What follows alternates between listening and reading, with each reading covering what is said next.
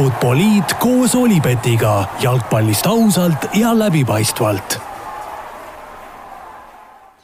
Nonii, tervitused taas kord kõigile Futboliidi kuulajatele, pikk suvi on mööda saanud ja taas oleme jõudnud siis koondise mängudeni. nii et tänases saates räägimegi siis põhiliselt Eesti koondisest, Eesti koondise ees ootavatest EM-valikmängudest Valgevene ja Hollandiga ja saate lõpus väike traditsiooniline Premier League'i rubriik ka siin meil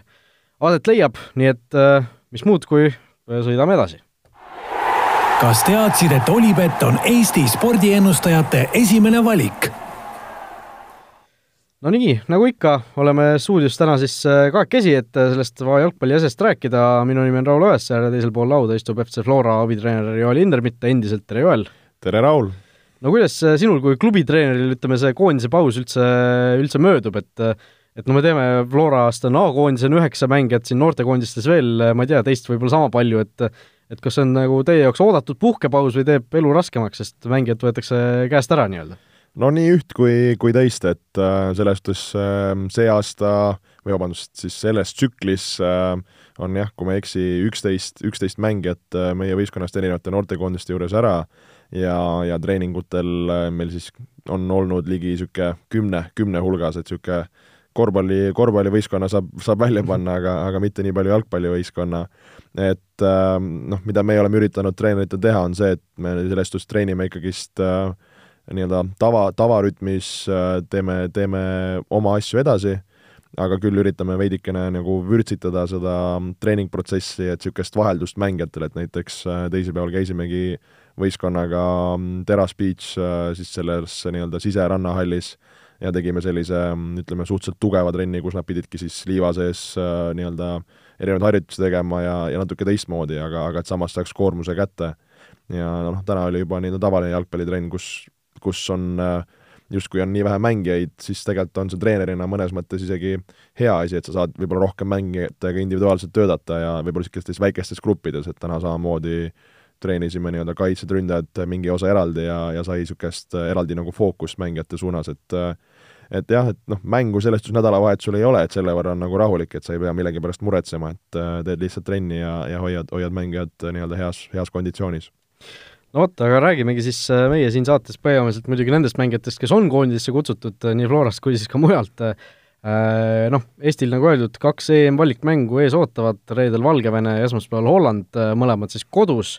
Äh, noh, niisugune double header, nagu inglise keeles öeldakse, kaks äh, sellist äh, huvitavat mängu järjest, mõtlesime natukene rääkida siin üldistest ootustest, kuna koondisel on siis uus peatreener Karel Voolaid, kes siin mõni saade tagasi ka meil rääkimas käis, jalgpallijutte, et panime siis kahe peale kokku, ütleme sellised kolm võib-olla põhilist sellist ootust, lootust, mingisugust meie soovunelmat, mida me siis tahaksime sellelt koondiselt ikkagi näha Äh, uue peatreeneri käe all. Äh, no number üks, et äh, mis oli meil mõlemal kirjas, kui me enne siin nii-öelda eeltööd tegime, et et noored mängijad lööksid jalaga ukse lahti, tõuseksid esile? no selles suhtes ähm, sellise asja me kirja panime nii-öelda noh, arusaadavalt, kui me mõtleme Eesti koondise mängijate peale ja, ja, ja üldse kui suur on see ring, kelle hulgast äh, valik, valik toimub, et siis teame, et Eestil ei ole võib-olla võrreldes muu maailmaga seda, seda sügavust nii palju ja, ja sellega seonduvalt siis ma arvan, nii-öelda iga mängija, kes, kes pead tõstab või, või kes sinna radarile satub, et see kulub äh, Eesti jalgpallile, Eesti koondisele nii-nii väga ära. ja, ja just selles kontekstis, äh, kui meil on praegu tulemas siin ütleme, üsna huvitavaid noori, kes, kes teevad oma, ütleme, esimesi mänge äh, ütleme, täishooaegasi, hooaegasi ja, ja esimesi mänge siis kas äh, meestekoondise juures või, või premium-liigas kannavad juba pead, et äh, et nende seast siis, siis loota või oodata, et nad võiks teha järgmise sammu edasi äh, nii oma siis, oma, oma arengus, oma klubides, kui, kui samamoodi ka siis Eesti, Eesti koondises, et et äh, see oleks, oleks nagu väga-väga, ma arvan, tore, tore nähtus Eesti jalgpallile jah, kui ma praegu seda koondise koosseisu ka vaatan, siis äh, kahekümne kolmest mängijast üheksa on siis vähemalt kolmekümneaastased, et äh, tegelikult see keskmine vanus on küll natuke noorem äh, kuuldavasti kui siis viimastes koosseisudes Martin Reimi käe all, aga aga noh, eks see ilmselt, see Reimi valik ka väga-väga palju erinev ei oleks ilmselt olnud, aga aga noh, eks see on selge, et see koondis tuumik on suhteliselt selline vana, et või noh, ütleme siis kogenud, et mitte öelda vana, et selline nooruse värskust ilmselt oleks natuke rohkem sinna vaja ja eks meil on, on neid valikmänge, suuri tähtsaid kohtumisi vaja ka ju kümne, viie, kolme aasta pärast pidada, et kõik need mängijad kindlasti, kes praegu nii-öelda tuumikus on, sel ajal enam, enam koondisse ei kuulu, aga noh, põhipoint ongi see, et et loodame seda, et noored mängijad tuleksid, lööksid väravaid, säraksid kaitses, teeksid kõike muud, nii et et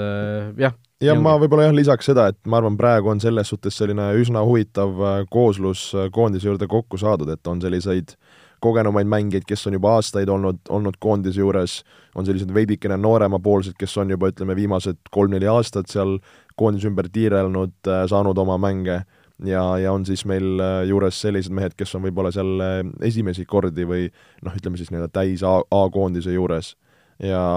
ja ma arvan ka, et siin noh, tegelikult ju euromängud äh, näitasid, et äh, et meie, meie omad Eesti poisid suudavad, suudavad mängida küll äh, heal tasemel ja ja, ja, ja, ja saada hakkama seal, seal kõrgel tasemel, nüüd ongi lihtsalt neile väljakutse teha seda, seda A-koondise eest, mis, mis kindlasti on, on veel niisugune samm edasi. aga, aga ma usun, et need mängijad on, on selleks väljakutseks valmis, neil on piisavalt sisu selle jaoks ja, ja nüüd nad peavad ise olema mehed tõestama väljakul, et äh, need koondise kutsed äh, saadi, saadi asja eest ja, ja, ja nad kasutavad ka selle võimaluse siis piisavalt hästi ära. just nimelt, äh, ootus number kaks, siis see tuli eelkõige minu poolt, et et me siis ei kardaks, kardaks nagu rünnata, et siin viimasel ajal, viimastel aastatel üldse on, on nagu aeg-ajalt olnud need noh, kas või algkoosseisud või need treenerite valikud natuke sellised, et noh, oleme nagu liiga negatiivsed seal väljakul, et äh, olemegi, ma ei tea, kuue-seitsme kaitsjaga seal äh, seda eelkõige kaitset betoneerimas ja see rünnak on nagu täiesti äh, unarusse vajunud, et kui midagi tuleb juhuslikult, siis tuleb, aga aga just see, et me ei peaks nagu kuue või seitsme kaitsjaga platsil olema, oleks minu selline ootus, et me võiksime ka rahulikult mängida neli kaitset, võib-olla üks kaitse, poolkaitse seal ka turvamas ja ja ülejäänud mehed võiks siis nagu julgemalt ettepoole vaadata, et ehk siis sa nii-öelda välistaksid äh, viiese kaitseliini edaspidiselt? no ma ei tea, kas välistaks, aga ütleme, see, see kindlasti on, leiab oma koha noh, raskemates mängudes, noh, ma eeldan just äh, just sellise Valgevene-suguste tiimide vastu, et me ei läheks liiga negatiivselt mängima, et see ongi esimene mäng, kus on suurepärane võimalus nagu näidata seda, et me me nagu tahame palliga mängida rohkem, me tahame rohkem rünnata, ise väravaid lüüa, et et äh, noh, ma eeldan, et niisuguste Hollandi vastu noh, tulebki kaks niisugust väga, väga palju näitavat mängu tegelikult, üks, üks sellise meie, meie tasemega tiimi vastu ja teine niisuguse väga tugeva tiimi vastu, et et Karel Voolaid saab kohe näidata, millis, millise plaaniga tema siis nagu peale läheb, et, et just noh, see viieline kaitseliin, ma arvan, et ta leiab oma koha, aga, aga mitte, ma arvan, Valgevene vastu. ma olen sinuga noh, selles suhtes igati nõus, et et ma arvan, noh, nii ka jalgpallifänn ootab seda, et, et tullakse, tullakse väljakule mängima ja ja tegelikult need mängijad, kes, kes meil koondises praegu on, noh, nad on ka harjunud palliga mängima, et ei ole sellised äh, anti, anti-jalgpallimängijad, kes, kes tahavad ainult kaitse istuda, musta tööd teha, et seal on kvaliteeti ja ja seda osavust küll, mille, mida ise, ise palliga teha ja ja tegelikult, kui, kui mõelda Karel Voolaiu sellise treeneri äh, ütleme, filosoofia või, või selle mängu peale, mida näitas ähm, U kakskümmend üks koondis eelmistel valiktsüklitel, äh, siis, siis äh, just see nii-öelda, see julgus palliga mängida, ka ise domineerida, ise proovida, et et seda ma usun, et kindlasti Voolaid ka, ka nõuab A-koondiselt. Ja, ja ma usun, et need mängijad on võimelised seda, seda sellest ellu viima. Ja ja ma arvan, et kui see nii-öelda see palliga mäng saada, saada selliseks noh, mängijad teavad oma ülesandeid ja, ja see selline harmoonia on paigas, siis siis hakkavad tulema ka need, need väravad ja need head emotsioonid, millest võib-olla viimasel on olnud veidikene, veidikene puudust. just, ja noh, see ma arvan, et see, see ka tuleb, sellepärast et noh, see Voolaidi jutt, mis ta rääkis esmaspäeval, kui koondis kogunes ajakirjanikele, see oli sellist noh, mõni võib-olla ütleks, et selline noh, uue ameti niisugune liiga enesekindel äh, suhtumine, aga ma arvan, et see oli, oli ikkagi selline sümpaatne pigem, et, äh, et latt seati kõrgele, noh sellest me veel räägime, mis siin, äh, mis siin need konkreetsed eesmärgid seati mängudele, aga aga tõesti selline positiivne jalgpall, seda, seda nagu kumas sealt läbi. et seda, seda me võiksime, võiksime näha, võiksime oodata. ja, ja viimane selline suurem muutus suure pildis, suures, suures pildis või suuremas plaanis oleks siis see, et sära tuleks fännide ja mängijate silmadesse tagasi, see oli nii-öelda sinu, sinu üks suuremaid niisuguseid ootusi. ja just, et kui, kui mõelda nii-öelda selle viimaste, viimaste mängude peale, mis, mis on staadionil toimunud, mis on tulemustega toimunud võib-olla ja mis on ka siin meedias ja, ja kõik siin selle ümber toimunud, siis see on olnud see ikka üsna, üsna negatiivses valguses ja seda on noh, jalgpalli, jalgpalliinimesena päris, päris kurb vaadata, et äh, ma väga loodan, et äh, mängijad väljakul, treenerid äh, tulevad sellise hingestatuse, tahtmise ja, ja sära ja emotsiooniga väljakule, sa näed, kuidas nad näevad äh, vaeva, et, et teha seda head tulemust, annavad endast kõik ja ja, ja sellist nagu positiivsust kir-, kiirgaks äh, nende mängust ja nende olekust, et, et seda ma arvan kindlasti äh, Karel Voolaiu mm, nii-öelda isiksus ja, ja tema treenerite tiim, ma arvan, suudavad sellise äh, hea energia sinna taha saada, et nii palju, kui, kui võib-olla olen suhelnud ka mängijatega praegu koondise sees, siis siis ka on sealt nii-öelda välja peegeldunud seda, et selline aura nagu võistkonna ümber on, on üsna hea ja selline selline hea, hea olemine, et, et ma loodan, et see, see ka kandub ka väljakule. Ja, ja kui väljakul toimuvad asjad hästi, siis, siis kandub see ka mujale, kandub see ka fännidele, kes, kes käivad tribüünidel, kandub see nendele fännidele, kes vaatavad kodus äh, teleka taga meediasse ja, ja võib-olla neile, kes, kes jalgpalli kõrval nii suured ei ole või noh, nii, nii palju nagu teemas sellega, et, et ma arvan, nagu Eesti jalgpall vajab sellist äh, positiivset äh,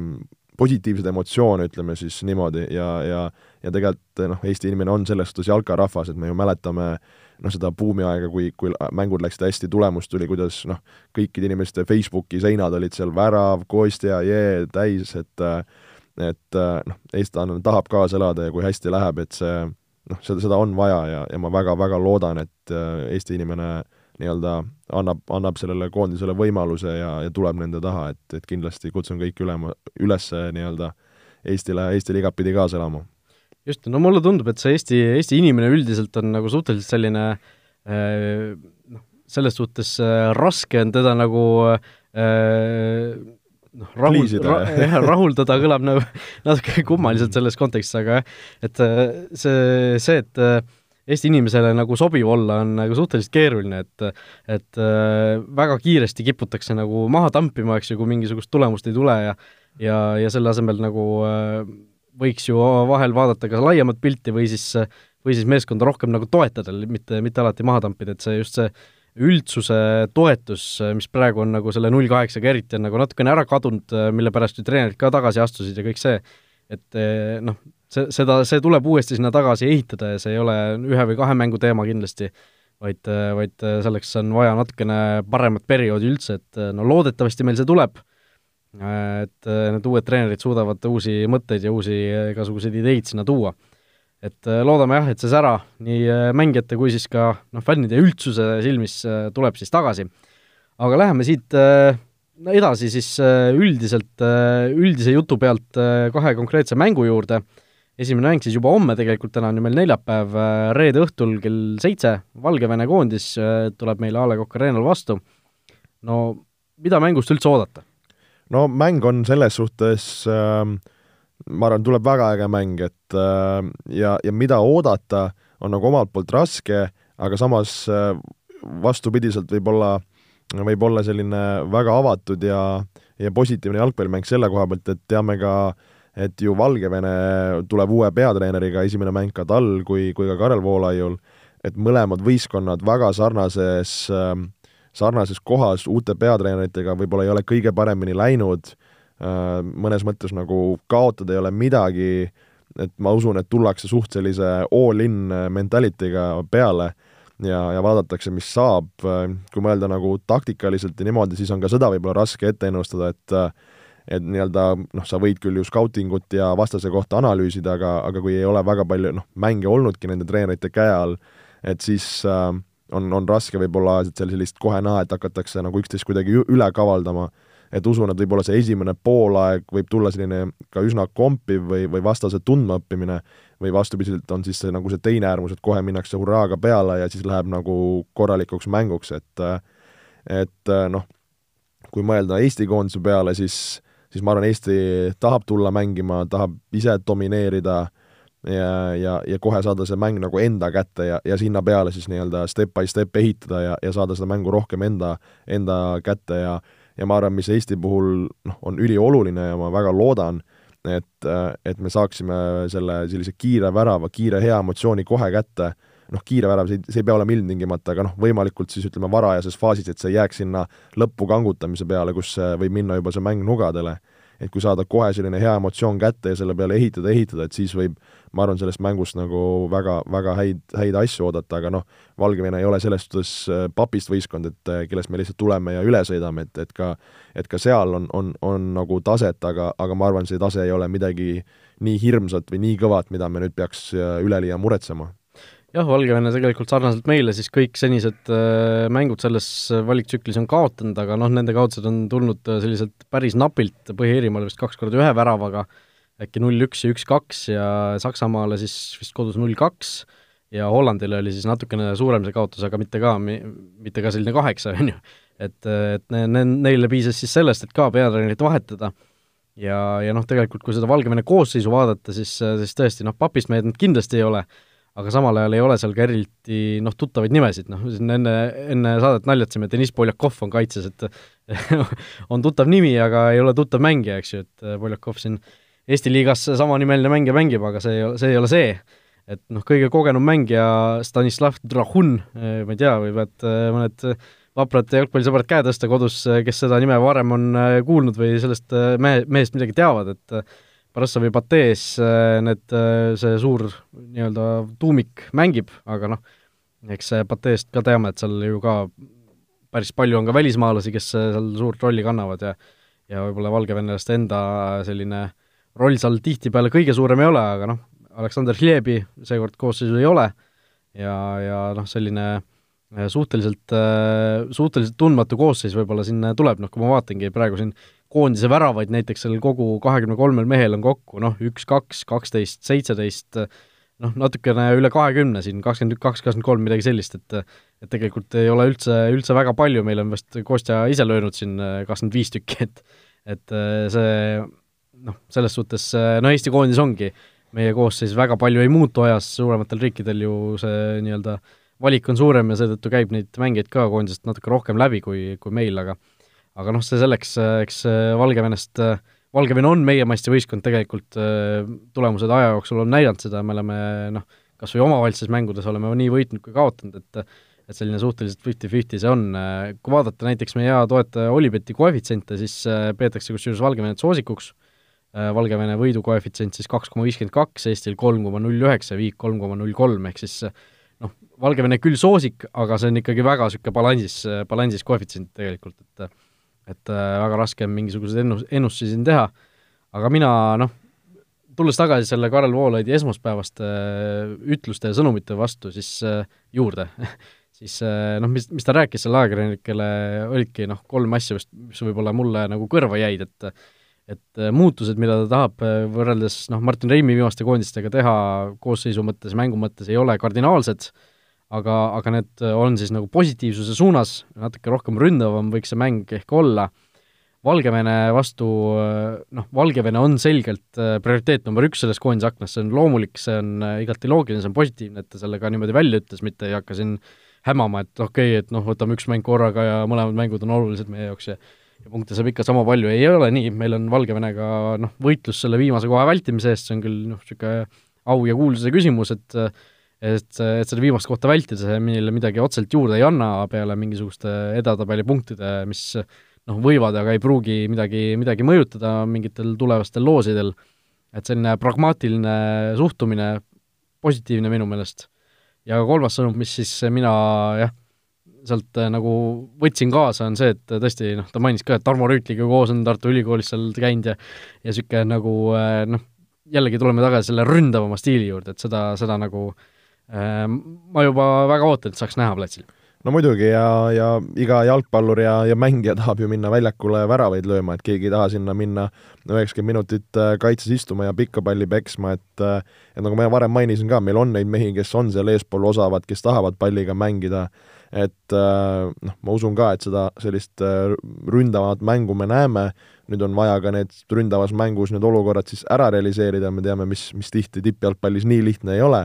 ja samas rünnates ei tohi unustada ära ka kaitsetööd. Et, äh, et ma, ma arvan, et sellist noh, tulebki leida hea balanss, mida, mida ma usun, loodetavasti meie, meie võistkond suudab, suudab leida. No selle eeldatava algkoosseisu või selle koosseisu ennustamise juurde natuke tuleme veel tagasi, aga võtame kiirelt selle Hollandi mängu ka, noh, see, sellest nagu nii palju ei saa veel rääkida, kuna see Valgevene mäng ikkagi mõjutab suhteliselt palju, aga aga noh äh,, Holland, noh, Karl Voolaidi tsitaat oli, et Holland on publikumasin ja Valgevene võiks punktimasin meie jaoks olla, et magnet, magnet. või magnet, jah mitte masin. et äh, tõesti äh,, rahvast tuleb ilmselt palju, Hollandil on väga kõvad mängijad, seal Virgil van Dijkid, Deliktid, kõik jutud, on ju äh,, aga noh, mida Eesti sellest mängust nagu tahtma peaks, et et noh, Karl Voolaid ütles, et et kui kõik õnnestub, saame nagu noh, vihje sellele, et saame viigi punkti kätte, aga aga see tundub ikkagi jube raske ülesanne. No sellest äh, ma arvan, oleneb ka väga palju, kuidas meie see reedene mäng läheb, et kui me saame sealt äh, näiteks äh, hea suure võidu, hea emotsiooni, meeskond tunneb ennast enesekindlalt ja ja siis ka tuleb esmaspäeval võib-olla palju rahvast vaatama ja, ja on nagu võistkonna taga, et noh, ajalugu on näidanud, et me oleme siin Hollandiga pusinud küll ja küll, ükskõik kui kõvad vastased ja, ja nimed meil seal vastas on aga noh, see ei tähenda ka seda, et eelmised korrad oleme pusinud, nüüd seekord pusime, et et Holland on ju näidanud, kui kõva suure sammu nad on edasi teinud ja ja kui vaadata neid mehi, kes seal on, et nad on sõna otseses mõttes ikka maailma tipud, tipud oma positsioonidel ja, ja oma klubides, et noh, Holland on ikka väga-väga tummine ja aga aga me oleme näidanud, et me kodus suudame pusida, olla natukene sellised ikka ebameeldivad ja, ja, ja meid ei murta nii kergelt lahti et ma usun, kui me suudame reedel teha hea tulemuse, siis on, siis on tõepoolest võib-olla variant sellist äh, head võitluslikku mängu seal Hollandi vastu pakkuda, aga kui, kui peaks see reedene mäng nihu minema, siis on juba, juba üsna selline kehv äh, stardi, stardipositsioon sinna, sinna Hollandi, Hollandi mängu suhtes. Noh, tasub meelde ka tuletada seda tabeliseisu, äh, kellel siin seda kuskil silma ees, silme ees ei ole, siis äh, praeguse seisuga Põhja-Iirimaa on mänginud siis kaks mängu Valgevene, kaks mängu Eestiga, kõik need võitnud, neli võitu, kaksteist punkti ja nemad on nagu niimoodi selle kohustusliku programmi, mis nad tahtsid, on väga hästi ära teinud, äh, neljast mängust neli võitu, juhivad alagrupi praegu, äh, Saksamaa on ka siis tegelikult täiseduga, nemad on mänginud kolm mängu, Hollandit nad võitsid esimeses voorus kolm-kaks võõrsil, väga põnev mäng oli, seejärel alistasid siis Valgevene ja ja viimati siis Eesti ka ja siis äh, äh, Holland on mänginud kaks mängu ja nemad siis kaotasid Saksamaale ja võitsid siis Valgevenet. Ja Valgevene-Eesti on kõik mängud kaotanud, aga noh, see, miks ma seda räägin, on see, et et kui nüüd reedel, samal ajal kui Eesti mängib Valgevenega, õhtul on ju Saksamaa-Holland mäng ka, et kui Holland peaks selle ka kaotama, siis nad Eestisse tulevad ikkagi sellises olukorras, et neil on väga vaja seda võitu, sellepärast et et Põhja-Iirimaa on selle oma nii-öelda kohustusliku programmi juba ära teinud, nemad ootavad ainult, et saaks Saksamaa ja Hollandi vastu ehk mõne punkti kätte sealt äh, mingisugust lootust äh, sinna esikahet, esikahte jõuda, selleks nad peavad seda tegema. et, äh, et kui Holland, ütleme, Saksamaale kaotab ja Eestis ka peaks noh, võiduta jääma, siis nende see edasipääsu variant oleks ikka väga-väga nutune juba. et noh, seal on okei okay,, see play-off on ju veel varuks neil, aga aga noh, sellegipoolest no selles suhtes äh, noh, suured äh, nimed ja nad on harjunud sellise väikse pinge all mängima, et äh, et noh usu... Sama, samas on Holland ka harjunud viimase, viimastel nendel suurturniiridel, suurturniiridelt välja jääma, on ju. no seda ka, aga, aga usun, et noh, me nägime siin selles Nations liigis, kuidas Holland näitas ikka väga, väga võimsat minekut, et et noh, eks ole näha, kuidas see reedene mäng Hollandi jaoks läheb, ka see annab, eks ju, nagu sa ütlesid, väga suure sellise suuna kätte, millises olekus nad siia tulevad aga noh, tegemist, nagu ma ütlesin, on ikka, ikka tipp-tippkoondisega ja tippmängijatega, et et äh, ma ei tahaks uskuda, et nemad siin kuskile mm, Põhja-Iirimaa selja taha hakkavad jääma alagrupis, aga kunagi ei tea. No kunagi ei tea jah, et äh, igatahes tasub seda ka Saksamaa-Hollandi mängu siis äh, reede õhtul jälgida, et mis, mis sellest saama hakkab, Eesti kanalitelt TV Play Sports peaks seda ka üle kandma, nii et nii et saab, saab seda ka Eestis kenasti, kenasti vaadata, aga jah, Hollandi mängust veel midagi ei ole, ootame, ootame publikut äh, staadionile ja, ja vinget mängu. ootame tõesti vinget mängu. aga läheme siis tõesti edasi selle Valgevene mängu juurde või noh, tagasi selle Valgevene mängu juurde ja mõtlesime siin natuke selle koosseisuga läbi arutada, et et üksteist mängijat tuleb siis Karel Voolaidil oma esimeseks äh, koondise mänguks A-koondise peatreenerina platsile saata, et et võtame võib-olla kõik positsioonid äkki kiirelt läbi lihtsalt, et äh, väravaht, noh, ilmselt see Sergei Leppmets ikkagi jääb, selles suhtes, et äh, ei ole nagu põhjust, et, et peaks teda sealt kellegiga asendama, Aksalu Igonen on kaks siis teist valikut. olen nõus, et äh, Leppmets on näidanud ennast koondisest viimasel väga hästi ja, ja, ja, ja teinud selliseid väga korralikke partiise, et ma arvan, tema koht hetkel on seal üsna selline tõenäoline ja ja, ja loodame, et ka jätkab siis Eesti koondise tassimist. just nii, nii et Leppmets läheb väravasse, kaitseliin, noh, neljane või viieni, ma arvan, et tuleb neljane.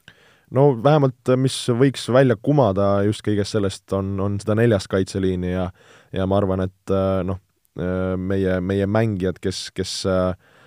on siis koondises, nad on harjunud pigem mängima neljast, jah, mõni võib-olla oma koduklubis natukene saab ka seda viiest ja koondises on mängitud, aga, aga ma usun, et neljase kaitseliini mehitamine sellises koosseisus on, on selline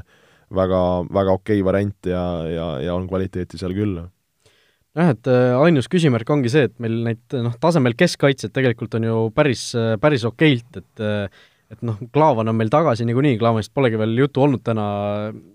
tema juurde veel jõuame tagasi tulla, noh, Klaavan, meil on Karol Mets, meil on Joonas Tamm, Madis Vihman, kõik saavad tegelikult väga okeil tasemel mänguaega, Märten Kuusk ka veel, eks ju, Florast, et noh, tema küll noh, seal nii-öelda pecking order'is ilmselt on, on keskkaitsjatest viimane, aga siiski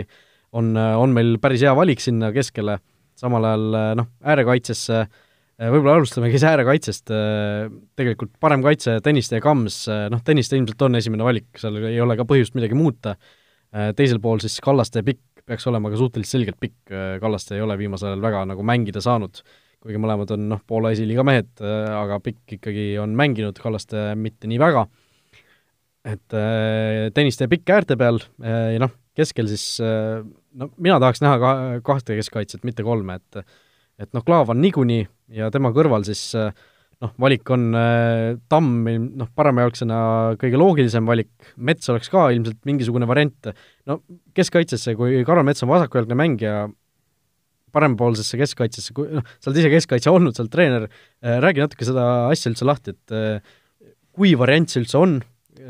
kui, kui keeruline seda on mängida ja, ja kõike seda? no ütleme nii, et noh, tegelikult seda me ju näeme, et meil on äh, ütleme, mõlemad keskkaitsjad paremajalgsed, kuna, kuna igal, igas klubis ja igal pool maailmas ei ole sul vasakujalgsed keskkaitsjad, et et see näitab, et niimoodi saab mängida äh,, aga kui mõelda nagu mängu sellise iseloomu peale, siis, siis on noh, ütleme üsna vajalik, et oleks sul parempoolne keskkaitse oleks paremajalgne, vasakpoolne keskkaitse oleks vasakujalgne see tähendab seda just, et äh, kui mõelda nii-öelda keskkaitse mängu ülesehituse peale, siis ta saab seda teha oma mugavama jala pealt, ta saab mängida sööte oma mugavama jala pealt, kui on vaja pikemat palli mängida, kui on vaja liinide vahele mängida,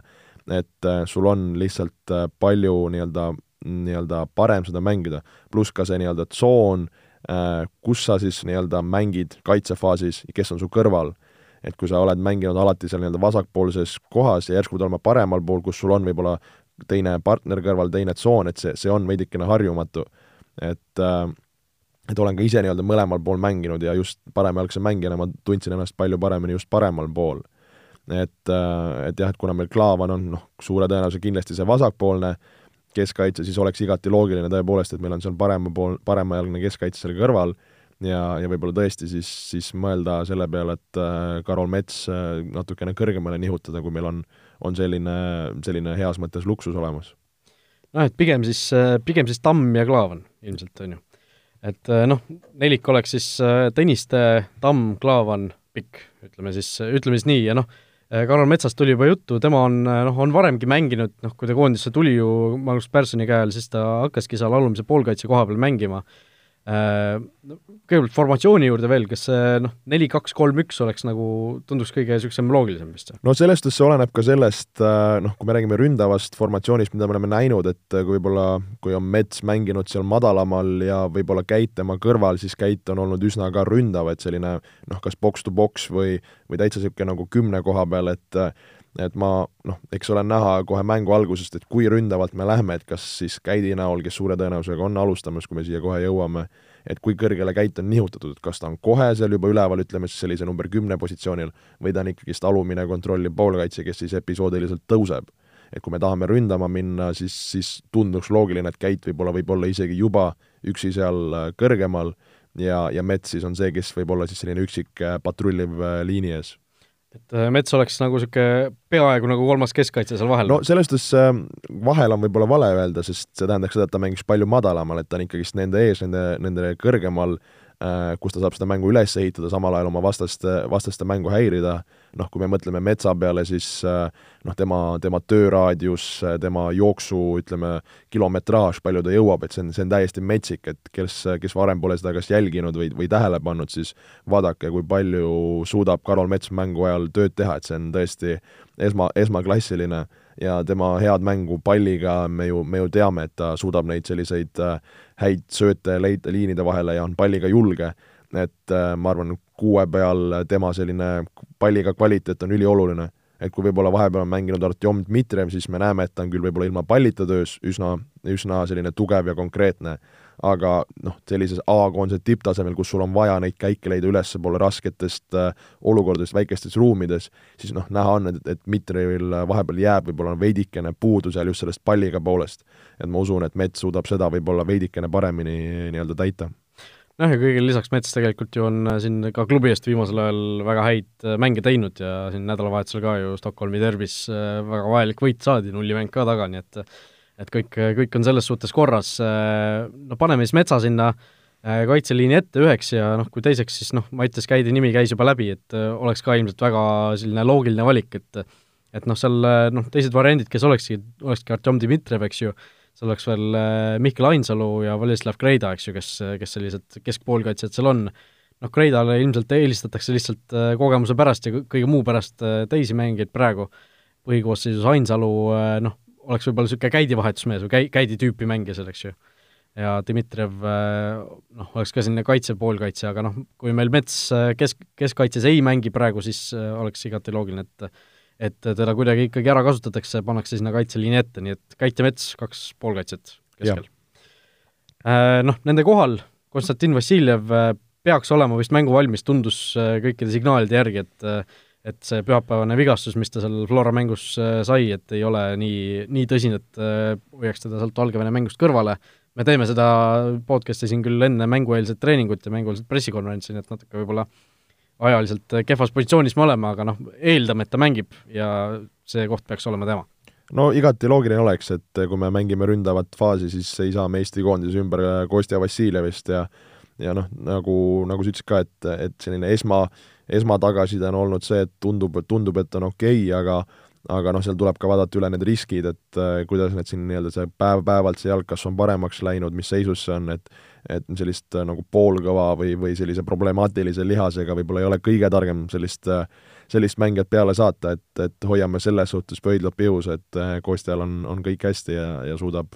suudab reedel olla, olla nii-öelda täie tervise juures äh, väljakul. jah, ja Karel Voolaid ütles ka tegelikult, et Vassiljevil on selle Valgevene vastu just mänguplaanis väga suur koht olemas ja tema peale palju äh, loodetakse, nii et äh, tõesti loodame, et temaga on kõik korras, saab mängida ja mingisuguseid pikemaid tagajärgi sellele ei järgne vigastuse tõsinemis, tõsi, tõsinemise ütleme süvenemise äh, osas siis. Äh, vot, äh, no äärte peal on tegelikult ka päris huvitav lugu, sellepärast et neid va-, valikuid on mitmeid, Sergei Zenjov ilmselt parem oli Hendrik Ojamaa vasakul, oleks ikka minu esimene pakkumine, noh, sinna variandid, kes oleksid, oleks Vlassi Zenjavski ja Frank Liivak. et noh, Zenjov ja Ojamaa ikkagi kogemuse pealt peaksid olema, olema paremad valikud, et noh, Zenjavski ja Liivaku võib-olla Äh, noh, nad mängisid küll väga head euromängud, aga võib-olla pärast seda nad natuke on nagu noh, võib-olla see vormikõver on natukene alla läinud, aga olen, olen sinuga selle koha pealt nõus jaa, et äh, Zenjov, Ojamaa, noh, Zenjov eriti praegu koduliigas on, on resultatiivne olnud, väravaid löönud. Ojamaa ka tegelikult ja, on, on olnud ju sööte ka, just, et Ojamaa samamoodi oma, oma mm, seal nii-öelda Poola, Poola liigas näidanud ka ennast väga aktiivsena, pluss, nagu sa ütlesid, neil on see koondise kogemus, nad on selles suhtes noh, juba juba kindlad mehed, et äh, mõlemad sellised ka, kes suudavad oma, oma kiiruse, teravusega pakkuda, ma arvan, vastaste kaitsjatele korralikult peavalu, et, et ma arvan, selliste heade teravate äärtega meil, meil on rünnakul rünnakul sellist võimu, võimu küll nii ära joosta, kui, kui seal ise siis juba nagu palliga, palliga ehitada. Jah, ja noh, Vlasisinjovski, ma arvan, et äh, väga võimalik, et vahetab mingi hetk ühe-kahest välja, et äh, et tema ju noh, nägime siin Frankfurdis, sina nägid äh, veel väga lähedalt, kuidas see, kuidas see värav seal löödi ka kõige tugevamatele vastastele, et sel mehel nagu aukartust väga ei tundu olevat, mis on muidugi positiivne, nii et Zenjov ja Ojamaa oleksid loogilised valikud äärte peale ja noh, jääbki veel tipuründaja, Henri Anieri seekord pole, noh, põhimõtteliselt kaks varianti, kas siis Erik Sorga või Rauno Sappinen, loogiline valik tundub Sapinen no selle koha pealt küll, et Sapinenil on neid võib-olla koondismänge vähe rohkem ja, ja selliseid suuri, suuri mänge mänginud, äh, noh, iseasi nüüd küsimus on see, et äh, Sapinen nüüd on viimased mängud saanud Tom Šale eest äh, peale ja, ja, ja saanud sellist, ütleme siis võistlus, võistluskogemust, et tegelikult ju sellist nii-öelda mm, noh, mänge, ametlikke liigamänge Sapinenil just ju viimasel väga palju ei ole, et et äh, kevade lõpus see Hollandi esiliiga lõppes ja pärast seda pole mees väga palju just äh, nii-öelda liigas peal käinud, et võib-olla selline mängutunnetus kõige parem ei ole, noh, erinevalt Sorgast, kelle, kelle mängutunnetus on, on nagu väga selles suhtes tihe ja ja, ja terve selle hooaja olnud ikka mees, oleme ausad, äh, üsna, üsna kuum, et kakskümmend kolm väravat praegu Premium-liigas kirjas, tõsi, küll võib-olla viimasel ajal pärast neid euromänge selline väikene võib-olla väsimus äh, on äh, veidikene nagu mm, hirmutanud või, või kuidas seda siis öelda. kumuleerunud kõige selle pealt ja siis natuke võib-olla jälje jätnud mängule, ütleme siis. nojah, sellest on ka arusaadav, et äh, tegemist on Eeriku sellise esimese täishooaega, kus ta on nii-öelda põhiründaja rollis ja, ja väga palju mänguminuteid all ja, ja need tõesti, need euromängud olid ju väga, väga ütleme, nõudlikult nii füüsilise kui vaimse poole pealt, et äh, et igati arusaadav, et võib-olla selline väikene langustrend ka vahepeal sisse tuleb, nüüd ongi, loodame nii, nii Eesti koondise võtmes kui, kui ka, kui ka mina siis Flora võtmes, et Eerik leiab selle, selle sära ja energia üles ja, ja suudab uuesti kõvasti väravaid kollitada, et seda, neid oskusi tal ju, ju on, seda me oleme näinud. just, no natuke on nad eri tüüpi ründajad ka ju tegelikult. nojah, ütleme niimoodi, et Sapinen on võib-olla selline, kes äh, on rohkem, äh, kes võib-olla suudab seal sellises kehakontaktis seal äh, kaitsjatega madistada, sealt maha pöörata ja, ja, ja olla võib-olla selline õigel ajal õiges kohas, Eerik võib-olla rohkem selline liikuvam, äh, liinide vahel suudab pöörata, võib-olla ka nii-öelda liini taha süstida, et, et võib-olla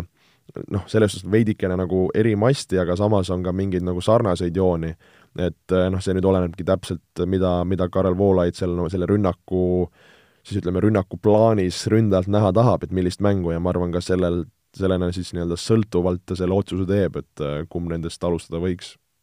no just, no kui üks on nagu liini taha süstija, teine on äh, nii-öelda kehasse küsija, siis võiks nagu eeldada, et Zappinen näiteks mängib Valgevene vastu ja Sorga Hollandi vastu, kus meil on vasturünnakud, samas Sorga on Flora eest ju kogu hooaja mänginud teil tipus ja Flora ei ole just selline võistkond, kes eriti vasturünnakul talle kogu aeg loodaks, et et jällegi noh, mingis mõttes oleks loogiline, mingis mõttes jällegi mitte, et äh, nojah, et see, see noh, nagu ma ütlesin, et suhteliselt ka mingeid sarnaseid jooni on, äh, noh, oluline ongi, et seal lõpuks oleks mees õigel ajal õiges kohas ja, ja suudaks, suudaks selle palli võrku panna, et see, see on lõpuks kõige tähtsam ja, ja, ja usun, et mõlemad mehed on selleks igati suutelised. vot nii, nii et äh, meie koosseis siis Leppmets väravas, Tõniste, Tamm, Klaavan, Pikk kaitses, Käit, Mets alumiste poolkaitsjatena või noh, keskpoolkaitsjatena Vassiljev nende kohal, Zenjov Ojamaa äärtel ja noh, Zappinen, Zappinen või Sorga siis tipus, eks ju, et seal plusse-miinuseid, no mina ütleks pigem Zappinen tunduks nagu loogilisem lihtsalt, aga aga noh, Sorgat ilmselt äh, ka välistada ei saa, et seal on äh, võib-olla üks niisugune kõige vahetatavam äh, positsioon nendest, mis me siin läbi arutasime, nii et selline siis võiks see algkoosseis homme välja näha. meie siit? On ennustus ka, mis, mis arvad? ennustus, no okei. okay mul on hea tunne selle mängu eel kusjuures, et äh, ja noh, okei okay,, see päris tunne mul jõuab ikkagi nagu mängupäeval kohale, aga see tunne on üldiselt päris täpne, kusjuures ma olen seda varem ka öelnud. et no praegu on tunne niisugune noh, kaks-üks. mina, minu tunne on veelgi parem ja mina lähen kolm-üks Eesti võidu peale. vot nii, nii et äh, väga julge, no tuleb samas Holland ka juba ära teha, sest meil vahepeal ju saadet ei ole. Holland, noh, niisugune raske, raske no raske, ütleme jah, et eh, no jällegi see Valgevene mäng muidugi näitab palju ära, on ju, mis, mis seisus me oleme ja ja kuidas need Voolaidi mõtted töötavad, aga noh. mina ütlen üks-kaks, äh, siis äh, Holland võidab. aga lööme värava. aga lööme värava. nojah, ma arvan ka, et see suureks, suureks see kaotus ei kisu, kui see kaotus tuleb. aga noh, ütleme siis Eesti võidab üks-üks. okei, okei. üks-üks. no ütleme, Voolaidi plaan õnnestub perfektselt, saamegi selle viigi kätte ja, ja nii ongi, vot, et sellised positiivsed ja optimistlikud ennustused seekord. nii et saame edasi minna Premier League'i rubriigi juurde. elagu Eesti! kas teadsid, et Olipet pakub parimat mitmikpanuste diili Eestis? No nii, Premier League küll siin uuel nädalavahetusel koondise pausi tõttu mänge ei mängita, aga saame natuke sellest eelmisest nädalavahetusest rääkida, kus ka mitmeid niisuguseid olulisi sündmusi oli ja ja põnevaid mänge, noh, kõige põnevad, kõige põnevamad kohtumised siis toimusid pühapäeval, võib-olla nendest alustamegi, Arsenal Tottenham kaks-kaks, oli üks päris niisugune mõnus, mõnus võtt, noh. No mina pole ammu näinud just Premier League'is nii, nii ägedat ja mõnusat andmist, et kogu see üheksakümmend minutit oli näha, et seal oli seda, seda derbi hõngu kõvasti-kõvasti tunda, publik elas terve mängu, eriti kui Arsenal hakkas seal mängu lõpus nii-öelda mängu tagasi tulema ja hakkas seal oma väravaid kätte saama. ja, ja see mäng ka üsna selline kirglik oli, väga palju selliseid noh, pusklemisi, tõuklemisi, noh, nagu ikka õige, õige derbi selle koha pealt. kaheksa kollast kaarti. jah et ja, ja nagu ka mänguliselt ka, et lihtsalt ei ole ainult kaklus ja rahvas möllas, vaid ka oli mängu, oli momente, oli väravaid, oli väga häid seive, asju, et et, et tõesti, tõesti väga-väga vinge mäng ja, ja noh, kui rääkida nagu mängust, siis tegelikult Arsenal alustas kohe maruliselt, sai sellise kõrge surve peale äh,, omas, omas võimalusi, aga siis tuligi Tottenham selle ühe korra kontrast üle, Berleno veidikene võib-olla kehv tõrje, jättis selle palli selle Ericssonile nina ette ja, ja sealt löödi, löödi ära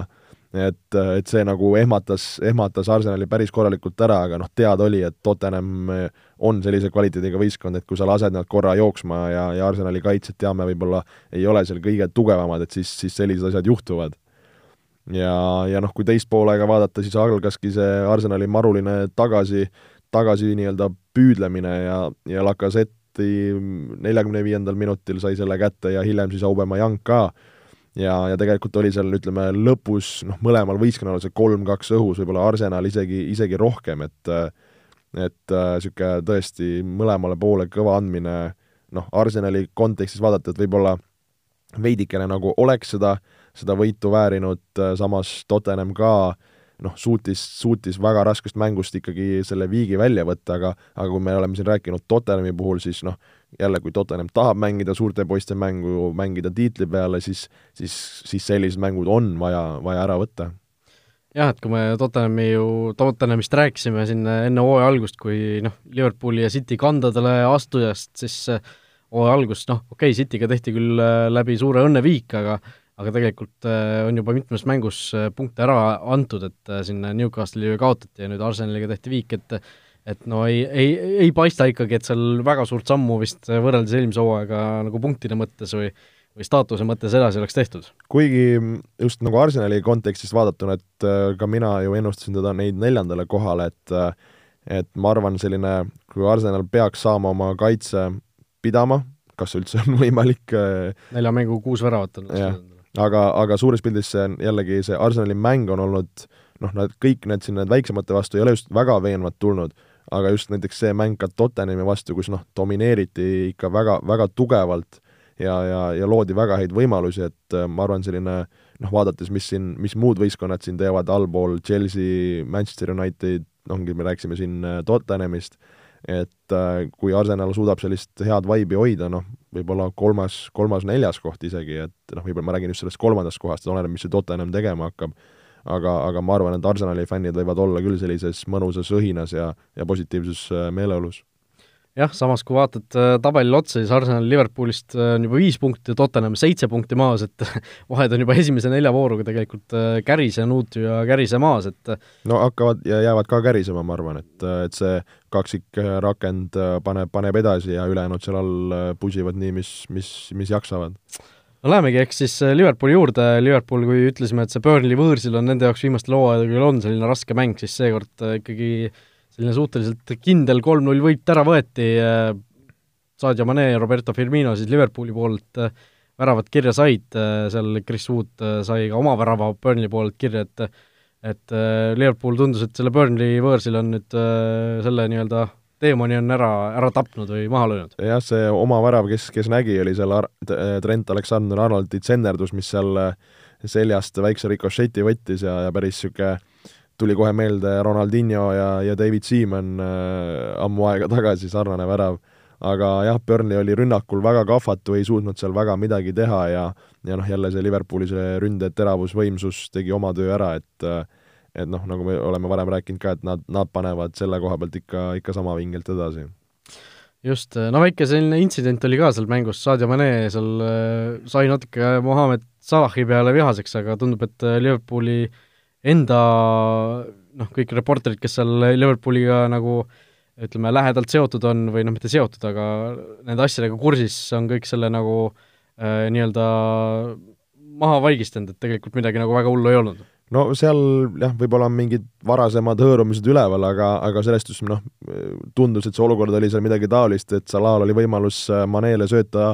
tühja värava peale, et sõber saaks värava lüüa, Sala otsustas sealt ise konksu teha ja ise löögile minna, mille peale siis oli mees hiljem pahane ja seal ka hiljem pingi poole midagi seal keegi kas, kas kobises või ütles, aga noh, sellest me teame, et äh, noh, selles, selles jalgpallis äh, tippjalgpallis noh, kõik on, on selles suhtes noh, ma ei isegi ei oska öelda, niisugused äh, noh, nii, nii vihased mehed selle koha pealt, igaüks tahab olla maailma parim, igaüks tahab olla võistkonna parim, igaüks tahab olla, lüüa väravaid ja, ja ründajate puhul ka see, see nahaalsus, ma arvan, see on hea, kui sul on sellises stiilis ründajad, kes, kes ongi kurjad, kui nad võib-olla see mäng väravat ei löö või nad välja vahetatakse, et et selline mentality nagu ongi see, mis lõpuks neid, neid tassib ja, ja miks nad nii kõrgele jõuavad ja sellepärast nad ka nii palju väravaid löövad, sest nende ainuke mõte on värav, värav, värav. Manchester City ka täiesti noh, kui mida, mingi võit on rutiinne, siis kodus Brightonile võetud neli või null võit on rutiinne, et noh, sellest pole, polegi vist ilmselt mõtet pikemalt rääkida, et meil... jah, Aguerolt väga hea mäng, väga head väravad, äh, De Bruyne samamoodi, et, äh, et seal, seal jah, see no, kohe alguses, teisel minutil mindi juhtima ja noh, tagasi enam ei vaadatud, eks mm. äh, Manchester United jällegi kaotas punkte, ei imesta, ma ütlen, ei imesta, see neli-null võit Chelsea üle avavoorus oli noh, see oli juhus, see jällegi järjekordne punkti kaotus, see Solskjaeri pinge järjest kasvab, kasvab, kasvab, et no ma ei, no ei imesta lihtsalt. jah, kuskil oli hea nali ka, et äh, mingi noh, nagu need nalja, nalja, jalkanalja lehed on, et äh, Äh, Ole Gunnar Solskjaer kuskil pildi peal näpud püsti, et uh, international break, et no points dropped ja mees õnnelik, aga, aga tõesti kurb, et ka Southamptoni vastu neid punkte kaotatakse, noh, ütleme nii, et see esimene poolaeg uh, isegi kui United seal üks-null ette läks, noh, Southampton pressis Unitedit üsna kõrgelt, United oli päris hädas ja ja väga selline äh, kuidagi krampis oli oma, oma mänguga, et üldse ei leitud selliseid loogilisi käike, mitte väga palju rünnakule, noh muidugi Jamesi värav väga-väga meisterlik, lihtsalt täies südamest risti, et niisugune, vaatasin seda väravat ka, et noh, tihti me näeme, et sealt minnakse nagu keerutama või kuidagi sellist täpset lööki otsima, siis ta lihtsalt tegi selle noh, täie, täie hingega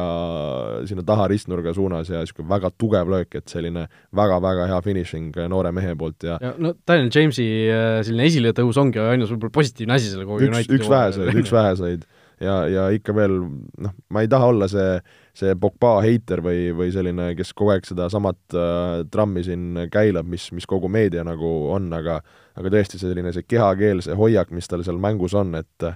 noh, midagi on selle mehega ikka väga, väga viga, et kas tõesti oli siis võib-olla terve suve siin üleval see Real Madridi move, mis, mis läbi ei läinud ja nüüd on mees närvis või noh, neid, seda tausta nagu ei tea, aga, aga see mees noh, peab veidikene juurde panema, eriti sellises seisus, kui United on siin järjest äh, punkte kaotamas, me ei räägi sellest, et penaltit on vaja sisse lüüa või see selleks, aga, aga ka mänguliselt on näha, et ta ei, ta ei ole päris see. Nojah, et see üleminekuaken ju sulgus Hispaanias noh, paar päeva pärast seda mängu, et see ja seda üleminekut ei läinud läbi, nagu me teame, et no see üleminekuakna sulgumine üldse tõi nagu, või noh, üleminekuturg on üldse Euroopas nagu väga niisuguses kummalises seisus tegelikult minu jaoks, et et noh, me nägime ju, kui paljud mängijad tegelikult tahtsid seda üleminekut sel suvel, aga noh, väga paljud ju ei saanud seda, et noh, Erikson jäi Tottenhami, Neimar jäi BSG-sse, millest on kõige suurem nagu rõõm, et et noh, söö oma suppi, on ju, ja nii edasi, et et aga noh, mida kõik Barcelona tegelikult tegi, et seda Neimari ikkagi saada, mis oli minu arust täiesti arusaamatu, mida sa tahad sellest mehest, et noh, las ta, las ta seal olla, las ta seal kopitab, on ju, et et sul ei ole mõtet nagu enda võistkonda täiesti rivist välja ajada sellega, et noh, pakume Dembelet, pakume Rakititši ja kõike seda, et ajad ju ainult need oma mehed just nagu rivist välja sellega.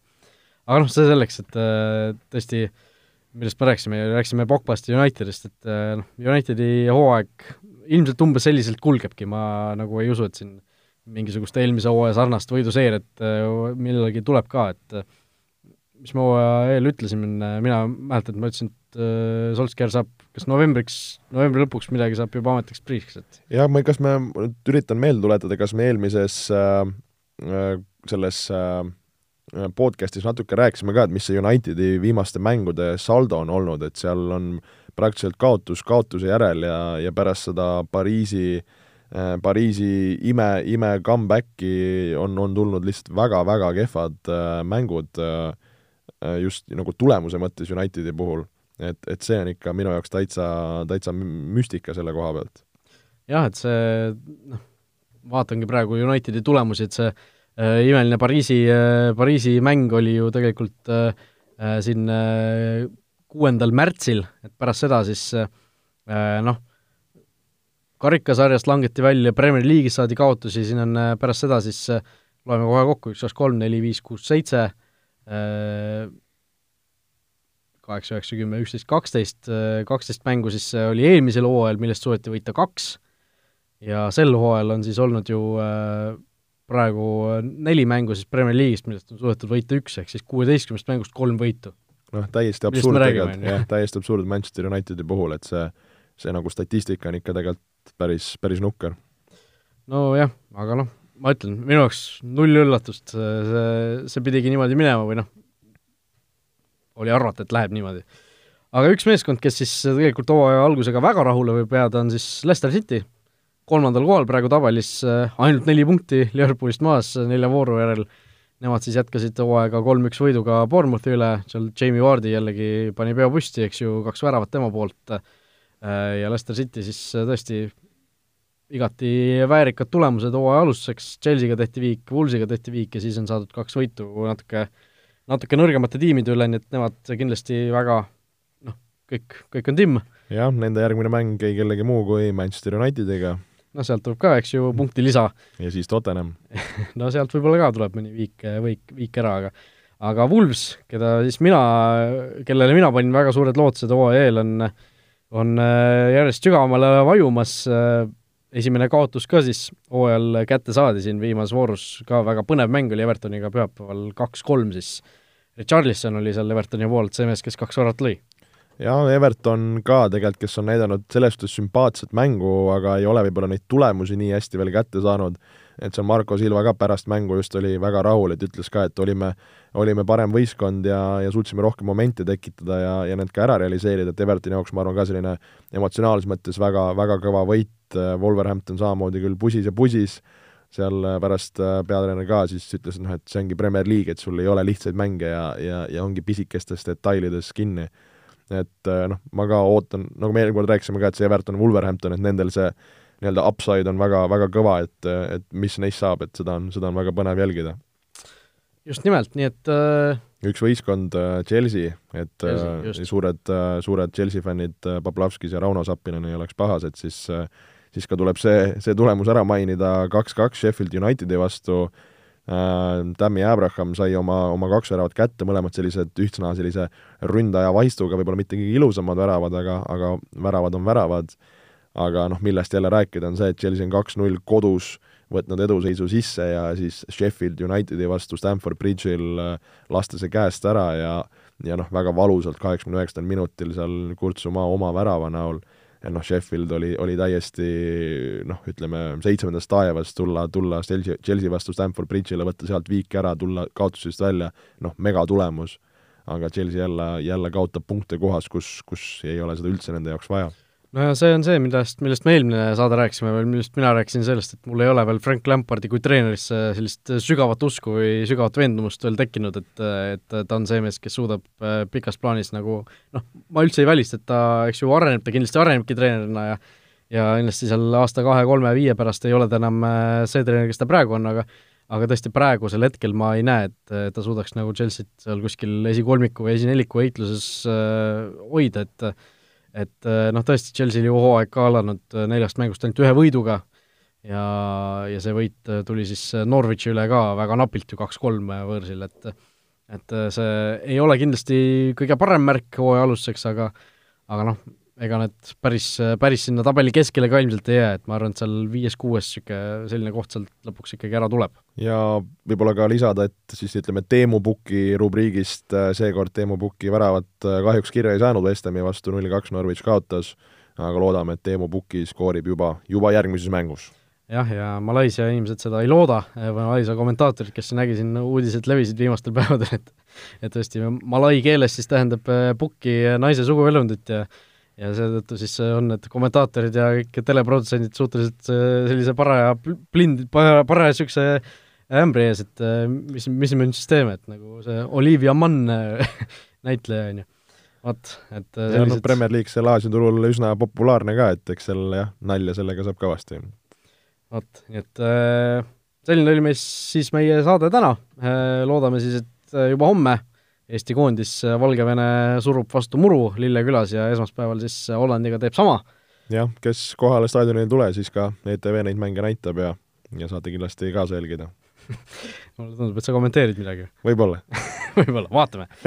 vot nii äh,, igatahes aitäh, et olite meiega, kõike head ja kohtumiseni juba uuel nädalal, kui siis saame need koondise mängud äh, kokku võtta ja vaadata, mis siis seekord õigesti või valesti läks. olge mõnusad! Vutiviikendi parimad kohvid leiad Olipetist